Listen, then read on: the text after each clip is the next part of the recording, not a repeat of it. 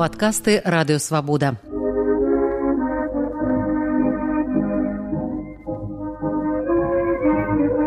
Сто гісторый пра БНР Сергеем Шупам.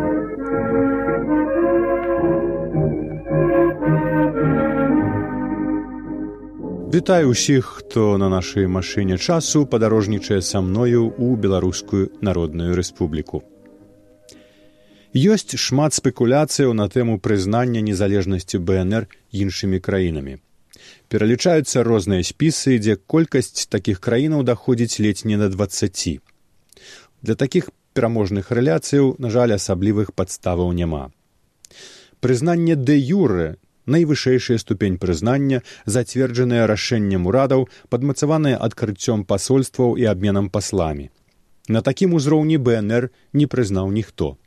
Найбліжэй да гэтага была ўкраінская народная рэспубліка, але і там справа не дайшла да практычнага выніку. Прызнанне дэ-факта гэта крыху шырэйшая катэгорыя, пра яе можа сведчыць, напрыклад, падпісанне міжурадавых дамоваў, адкрыццё дыпламатычных місіяў, супрацоўнікам якіх гарантуюцца пэўныя правы. У гэтым сэнсе сярод краінаў, якія прызналі БНР дэ-факта, можна залічыць УНР, літву, латвію і магчыма эстонію. Пад пытаннем застаецца турэччына шляхам дыпламатычнай казуістыкі можна ў некаторых заявах польскіх і расійскіх уладаў знайсці зачэпкі якія можна было б інтэрпрэтаваць як сведчанне прызнання незалежнасці бнр але роўна гэтак жа іх можна і абвергнуць. Адназначна не прызналі бнр нямметчына аўстрыі краіны антанты не прызнала і чэхаславаччына хоць беларускага прэм'ера луцкевіча прыязна прымаў прэзідэнт масарык. Двойчы ў архівах згадваецца пра тое што беларускую народную рэспубліку прызнала фінляндыя. Пра гэта езавітаў паведамляе тэлеграмай луцкевічу ў лістападзе девятнацатого году і гэта луцкевічу пацвярджае фінскі пасол у варшаве ў лютым двадцатого гэты факт шукае свайго пацвярджэння дакументамі з фінскіх архіваў Вось задача для сённяшніх даследнікаў.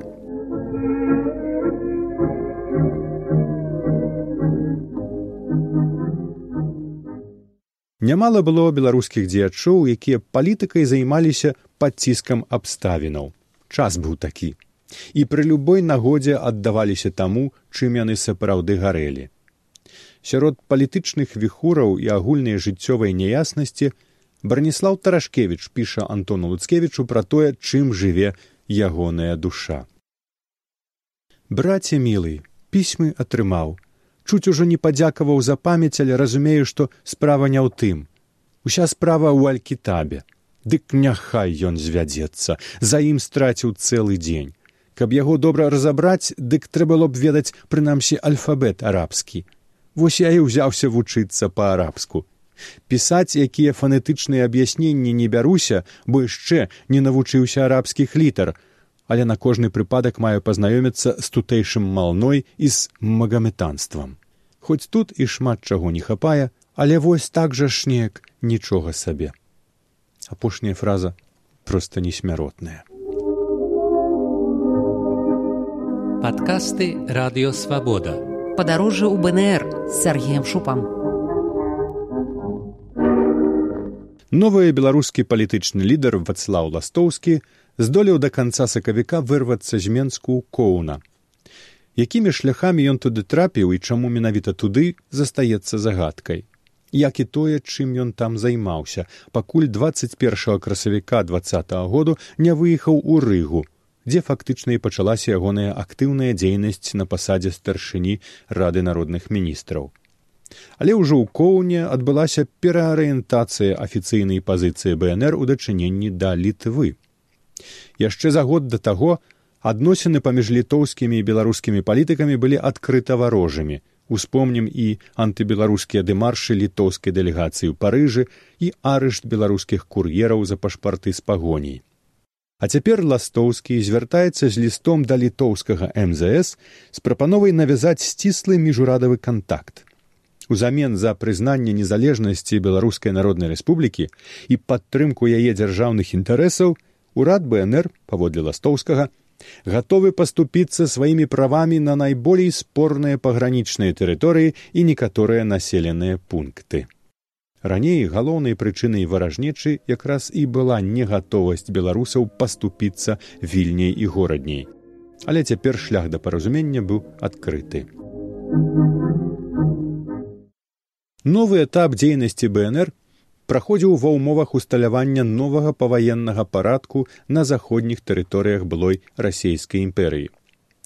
Савецкая рассея ўжо зразумела, што сусветная рэвалюцыя адкладаецца на няпэўны тэрмін і пачала арганізоўваць свае заходнія межы. Перш была падпісаная мірная дамова і усталяваная мяжа з эстоніяй. На чарзе былі літва і Латвія. Даслалі прапанову аб мірных перамовах і Польшчы, але польска-бальшавіцкая вайна яшчэ працягвалася і абодва бакі хацелі прыйсці да перамоваў з як найлепшымі пазіцыямі. Адным з галоўных пунктаў такіх перамоваў меўся быць лёс беларусі. Таму беларускія палітыкі дамагаліся дапушчэння іх на планаваныя перамовы.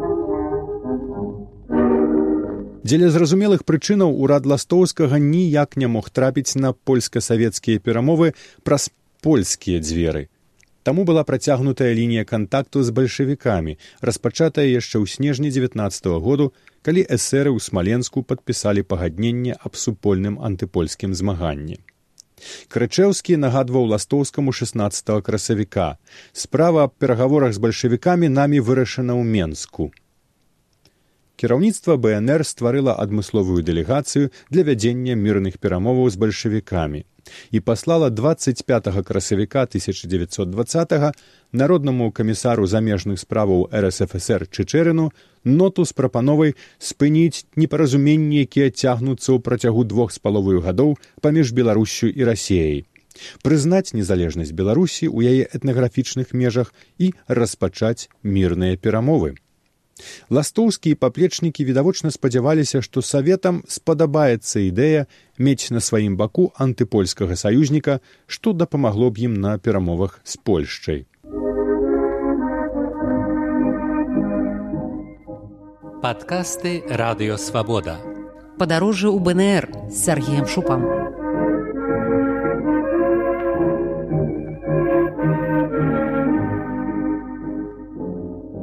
Нота Чычэрыну была перададзеная праз вайскова-дыпламатычную місію БНР у рэвелі савецкай дыпламатычнай місіі ў Эстоніі. На другі дзень была атрыманая тэлеграма з адказам Чычэрына, дзе той пытаецца, які менавіта беларускі ўрад прадстаўляе місія і якое стаўленне таго ўраду да польскіх і цэнтральных увага центральных уладаў с точки зрения свободы волеизъявления названного правительства и той силы, которую оно способно придать своим решениям. Далейшы дыалёг з чычэрыным на сваю рызыку узяўся весці ўпаўнаважаны МЗС БНР Янка Чарапук. Расійскі дыпламат спытаўся канкрэтна, на якую тэрыторыю пашыраецца ўлада ягонага чарапуковага ўраду якія рэальныя сілы той урад мае і якія можа даць перспектывы на выпадак ваенных дзеянняў.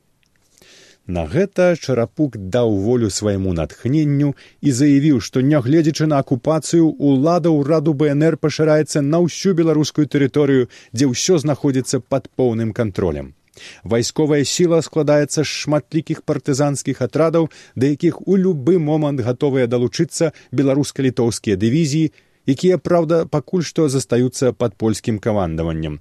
І гэтак далей і гэтак далей.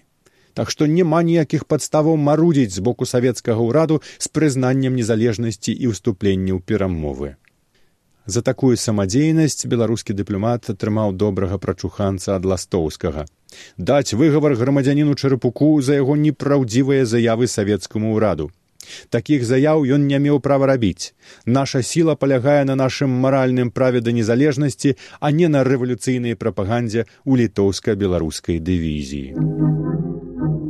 Каб неяк выправіць сітуацыю з шапказакідальнымі заявамі чарапука, ластоўскі бярэ дыялёг з Масквой у свае рукі і дасылае чычэрыну яшчэ адну ноту, дзе пытаецца не толькі пра згоду на прызнанне БНР, але і пра вывад з тэрыторыі ўсходняй беларусі савецкіх войскаў.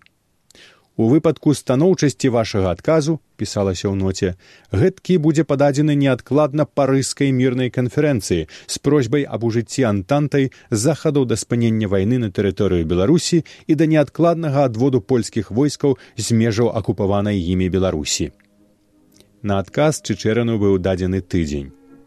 Адказ не прыйшоў ні праз тыдзень ні праз два ні праз месяц не прыйшоў ніколі А тым часам у Маскве ўжо адбываліся перамовы савецкай рассіі з літвой, дзе беларускія землі разглядаліся як расійскія і былі прадметам абмеркавання на тэрытарыяльныя тэмы.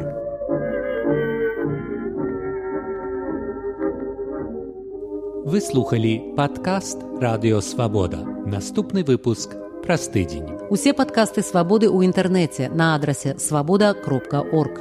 Штодня у любы час у любым месцы, калі зручна вам. Свабода кропка орг. Ваша свабода.